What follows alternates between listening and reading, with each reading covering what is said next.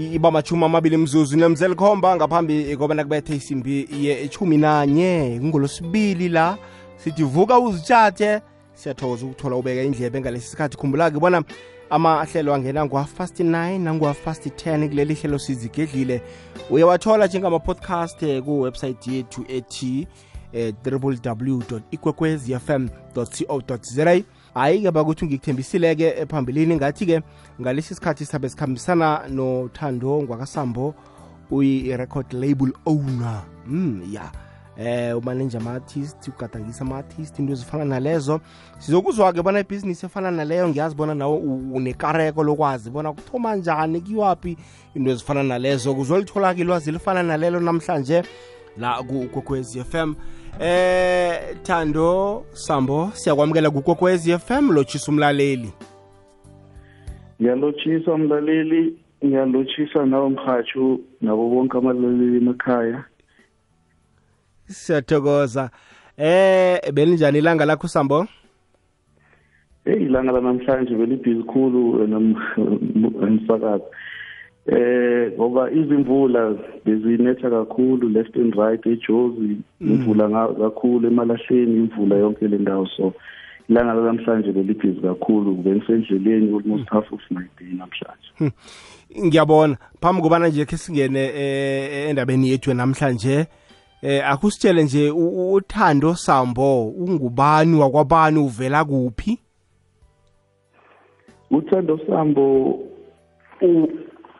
uyindoda esuka eyazalelwa ngapha enhlazatshe eh mawundlula enhlazatshe uya eChrome Drive kuneyindawo bathi kuse Chrome Drive ekulindeni uphuma lapho ke ngokuzalwa nokukhulela khona. Then weza ke weza ngapha eJozi eWitbank eh waqhubeka ke afunda afunda khona ngapha eWitbank then wahlala khona. Nawo njena nje sikhuluma ngihlala khona la eWitbank. eh umuntu nje bekabhizi kakhulu emphakathini la ngakhula khona umuntu ubhizi ngama activities emphakathini ama performance arts even no nokuperforma even nokuba yi-artist ukucula. Bekahambi kodwa ke ukucula but also bekuba nama-performance art where we conscientize umphakathi nge-STIs nangama sexual transmitted disease through i-performance art so i-art ngaqala lapho kuyibamba ngisesesikolweni high school. Ngachubeka kanjalo-ke msakazi ngakhula kaze ngayo nase-college. Ngenza i-electrical engineering and business management. Eh ngasebenza e-Eskom until today ngicalele amabhizinisi. Akusiyo yodwa i-recording label namanye amabhizinisi kwezinye izindawo. Ya siyathokoza kuleyo ndawo eh ngiyakhuthaza nokho lokho. Manje kuyakhe singene ebhizinisini lethu lanamhlanje le-recording label. Eh nasikhuluma nge-sambo records sikhuluma eh nge-recording label yakho. Kuyini yakukhuthaza bona uthome i-recording label le kokuthoma Eh mkhathi njengoba besengichazile ukuthi mangikhula ngikhule ngiwumuntu othanda umculo ngingumuntu othanda i-art not only umculo kuphela.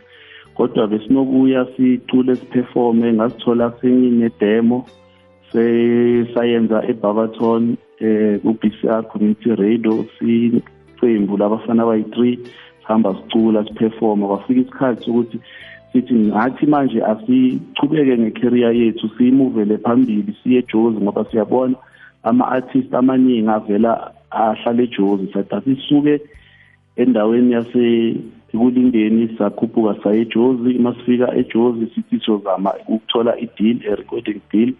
Kodwa zange kuhamba kahle and mangifike eJozi sonke besafika eJozi singazi muntu kwatholakala ukuthi sigcina singabi even nendawo yokulala nemali besiperform emaclubini sithola imali kwezinye indawo sibhadalwa kwezinye indawo basibhadala sikhona ukuthenga ukudla singanandawo yokulala. Ngagcina ngabuyela emuva-ke ngabayeka-ke abangani bami bengicula nabo ngabashiya lapha ejozi ngabuyela ngayocedelela umatric. Into ngayenza ka-grade nine. After matric ngabona ukuthi ngcono ngibuyele evet ngiyowenza i-performance arts. Bangithatha kodwa ngahluleka ukuchubeka ne-performance arts ngendaba yemali ye-registration. Ngagcina ngenza i-engineering. Kuthe makuchubeka-ke mhasho ngabona ukuthi ukuba yi-artist ube successful eSouth Africa kusilula if uzenzela nje ungana support uyayidinga isupport yomuntu ongekho ongenzi lento exactly oyenzayo. Ozokumanage one nomuntu ozodila nge-PR two nomuntu ozokuphusha akubonise yonke le ndlela ukuthi la kufuna wenze so so ngathatha lapho isinqumo ukuthi after sifeyile kakhulu sala nasendleleni eitradini sazama nempilo egoli awuthi ngike ngivule le opportunity yokuba ne-recording label ngizama ukuvulela abanye abangafana nami back then. But manje babe privilege ukuthi banomuntu o-understandayo the industry nomuntu ongabancedisa along the way abaphushe even financially ngayivula kanjalo-ke mhasho hmm. uyazibuza umuntu ekhaya bona ukuthathani ukuba ne-recording label recording company kufuneka ini kuyini ama-resources building blocks kufanele ube nawo ukuze uyivule begodwa uyivula njani i-recording label?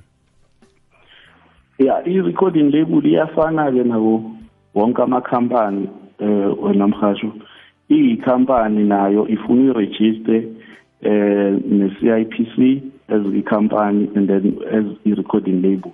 Waceda ukuyirejista uvule wonke amadocument okuvula ikhampani bank account um uh, uyiregister no-SARS uh, and then once you waba nama-document wonke eh songaqala ke mhasho ukudecide uregister nama-organization akhona eSouth Africa wokugada asiphiwe wona ugovernment ukwenza sure ukuthi umculo uthathelwa phambili akunamuntu orobha omunye emculweni akunamuntu othatha umculo omunye womunye umuntu.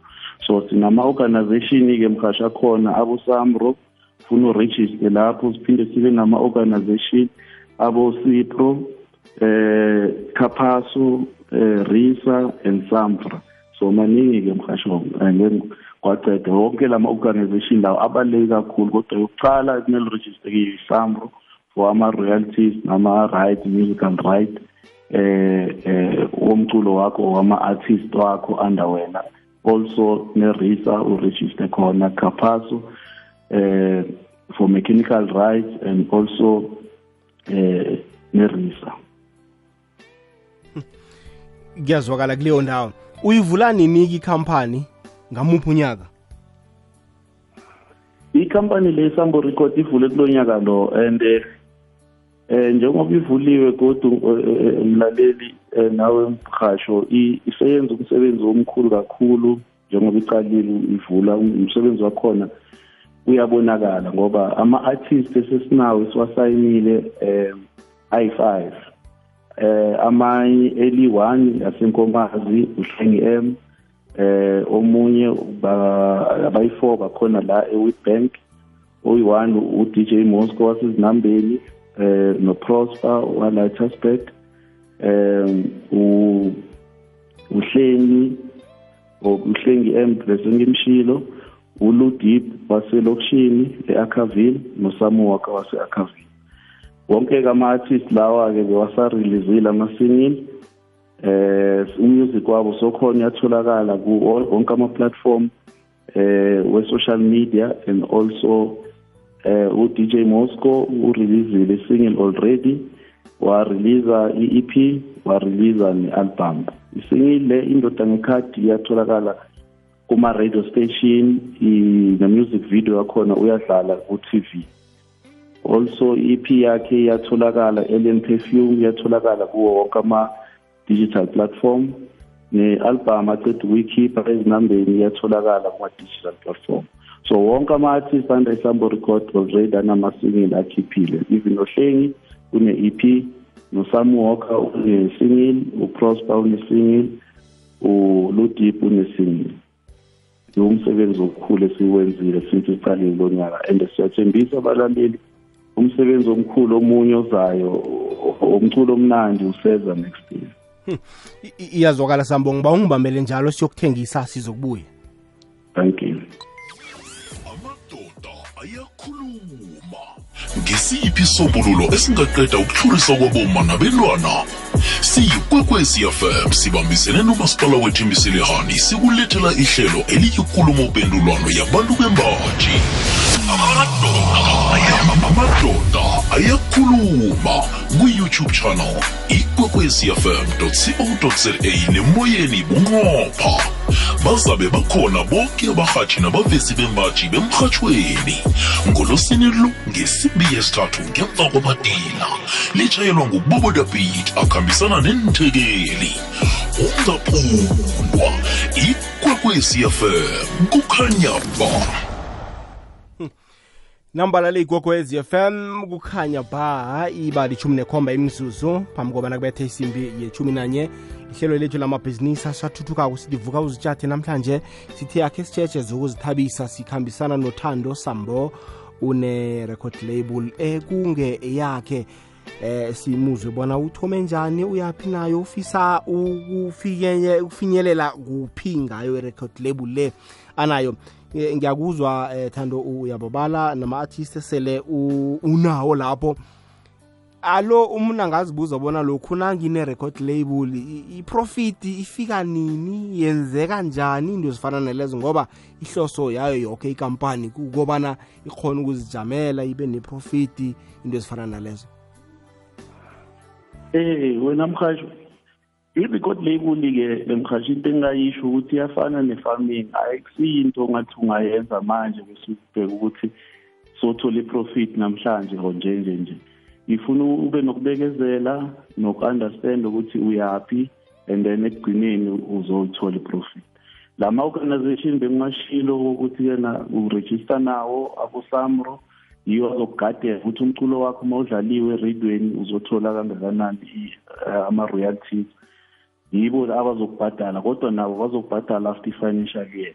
So into efuna ukuthi uyibekezelele uhambe umakhetha usebenzise ama-platform akhona ku-sabc radio uloge in usubmit umculo wakho khona and yonke le miculo na uyenza uyirejiste nayo so that bakhona ukuyibamba uma idlale eradweni ukhone nawe ukuyitracka ukuthi yena umculo wami so udlale kangaka ngingabheka kangakanani. Kodwa into efuna ukubekezela ungajahi ube nesineke ekugcineni izawubhadala. I- iyazwakala-ke. E- ebhizinisini efana nale asikhulume ngendaba ze-funding. Woke umuntu uyafisa ukuthoma ibhizinisi kodwana ifan- i-funding eh imali kuba mraro. Siyazi kufanele ube ne-equipment ube ne-studio ekungesakho into ezifana nalezo. I-funding itholakala njani kule bhizinisi efana nale? Eh i-funding enkulu eh ama organization lawa akhona esinawo eSouth Africa womculo or ama artists ayake ahelebhe ama artists eh or ama record label or abantu aba approacha ukuthi sicela nisincedise. Abo Samra Samfra ungasondela uye kibo ukhulume nabo bangakuhelebha kodwa ke nawe kuyafuneka ukuthi ube nokuncane ngoba ibusiness le ifuna ngathi uma uyiqala ungayicala unako okukhona. Ukhona ukuthenga yona ama equipment we studio ukhona ukuthenga em zonke nama soundproof ngoba i-studio siyadingakala ukuthi ngaba ne-soundproof. So ama-artist wakho akhona ukuthi abe ne-studio azokhona ukurekhoda kiso. Eh kungabi no um- umusic wakhona ube clear. And iyadingakala ke eh once waba nama artist amanye akhona ukuthi a performe umusic wakho uyazwakala uzobe uba nenye i-division mhlambe ye-artist management i-artist management yenye leg le ezobhekana nani nama-performance nama-booking eh nokuthi yena ama-artist wakhe ayamakhethela ma basakubhukha yizo izinto ezizakunceda kancane kancane ukuthi ama-artist wakhe ahambe amakhetheka wona lama-booking fee usebenzisa wona. Ngapha ukhone nokuthi unike ama-artist ngapha ukhone nokubooster i-operation ukhone nokwa-transport ama-artist kodwa kuyadingakala ukuthi ma uqala ungena kule business le-record label ube unako okokuncane ukuthi ukhone ukuba nalama equipment ube ne-start ne-kickstart. Iyazwakala kuleyo ndawo. Mlaleli kokwez FM nawe singakuvaleli ngaphandle. Siyazi bona zokuzithabisa uh, siphila ngazo bekodwa siyazithanda.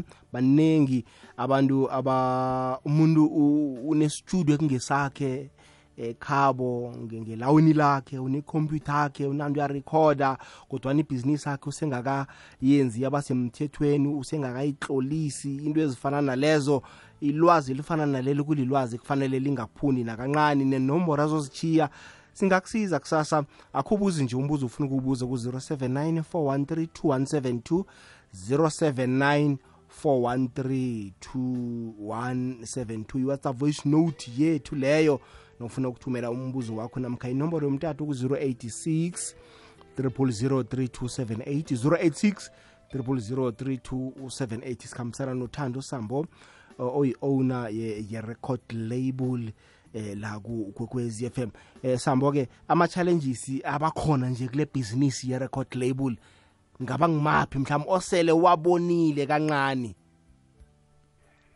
Eh ama challenges akhona ukuthi i-record label one aba-artist eh amanye ay kunezinto eziningi ezikhulunywayo ngama-record label ukuthi ama-record label ayi-scam adlela ama-artist iy'mali zonke lezi zinto so kufuna uwenze ama-artist wakho akhona ukuba comfortable a-understand ukuthi kena niyaphi. Ngoba ma usathoma i-record label kunama-expense amaningi obhekana nawo. So kufuna ukhona ukubachazela ba-understand ukuthi njengoba basayine under wena uzohamba nabo along the way. Even nokuba-transporta yenye i-challenge obhekana hamba ubhekana nayo ngoba ama-artist wakho lawa kufuna uzame uthola indlela yokuwamakhetha umculo wabo ukhona ukuthi waziwe ey'ndaweni waziwe kuma-radio station waziwe emaklabhini waziwe e-south africa uhamba ngaleyo ndlela-ke umculo wakhona. Kodwa-ke uma bangakubhukhi ama-artist wakho iy'ndawo zokuzijabulisa ama-shisanyama nasemaklabhini bangakubhukhi lama-artist kuyoba nzima ukuthi umculo lo ukhona ukuhamba ngoba ngeke uthembe i-radio kuphela ukuthi i-radio kuyoba yibo lapho kwazodlala khona umculo. Ngoba ne-radio nayo ibhekene nama nama-artist amaningi nomculo omningi okumele udlale. So ufuna ukuthi ukhonakala ukuthi umusic uthole indlela zokuthi uhambe kuwo wonke ama-platform abo-tiktok eh abo-instagram abo-facebook. So i-artist lakho kufuna laziwe kulezo zindawo lezo. Uphinde uzame ukulimakhetha kiwo wonke la ma-platform esenikhulume nawo. Ukuthi uyakhona uphushele ukuthi ingene emaklabhini bakhona ukulibhukha lelo artist balihloniphe nokuthi bali-understand ukuthi i-artist leli umsebenzi elihleliwenzile ungakani. Ngoba umsebenzi uyawenza abantu bangawazi bangawuboni. Lokhu bafuna ukuthi ubadlalele mahala njengoba wena bosokusebenza kanjalo before. So yiwo ama-challenge amakhulu ukuthi abantu bazothi sicela uzodlala kodwa e-e ngeke sikhona ukukubhadala. Abantu bafuna izinto zamahala. Bafuna ukudlalela mahhala and wena ukulifikisa at least lapho uyalitransporta akusana nto yamahala. Kodwa uyayidinga le ndawo ukuthi yena ukhone le artist ukulipromote so kusengakabi ne-acceptance from uh, indawo lezi ezibhukha ama-artist ukuthi if wakhona la kule ndawo eh uba-charger so bamukele leyo charge ukuthi loyo muntu sekamuvile elifini akasafani nakade uyasaqala sazidlalela ku-backroom wenzani? So kufuna abantu ba-accept ukuthi sekamuvile seka kwenye ilevel and ukufika lapho kule level akuhambanga cheap so sizama ukuphusha abantu bethu balocal ngoba sihlonipha kakhulu abantu basekudeni bangaphandle. Ungasukela umuntu wakhona la empumalanga bakuyeke bangakubhukhi bayokulandela umuntu wale eh e-KZN owale Joes owaku yena bamhlonipha ukudlula lo wala noma ngabe italent balibona ukuthi likhona. Kodwa ngendaba ukuthi wakhona la eduzana umuntu esimaziyo bese akasupporteki kahle. I-acceptance iyadingakala-ke ukuthi abantu babe accept ukuthi i-artist leli selimuvile alisekho lapho kuleyo level. Iyazwakala kuleyo ndawo. Ngiba ungibambele njalo siyokuthengisa sizokubuya. Mlalelo omuhle wekwekwezi fm nakamajukuluko akhona emahlelweni wangomgqibelo. Ihlelo jikamajika selithoma ngesimbi yethoba ekuseni. Bangani kuyokuba mnandi kangangani ukujika no-dj mpumi nosimplicity ucmp ikwekwezi fm top 20 iyasuka ntambama izokuthoma ngesimbi yethumi ekuseni kujika majika city udj mpumi ukudlalela eziphambili zeveke. Yakhe kukhanya ba. Sirakile phambili mlaleli gogwez fm ibalikhomba imzuzu phambi kobana kubethe isimbi yechumi nanye sikhambisana nothando wakasambo oyi-record label owner. Sambo ukhwaphatha indaba eh yama yama-artist adliwako kuma-recording companies.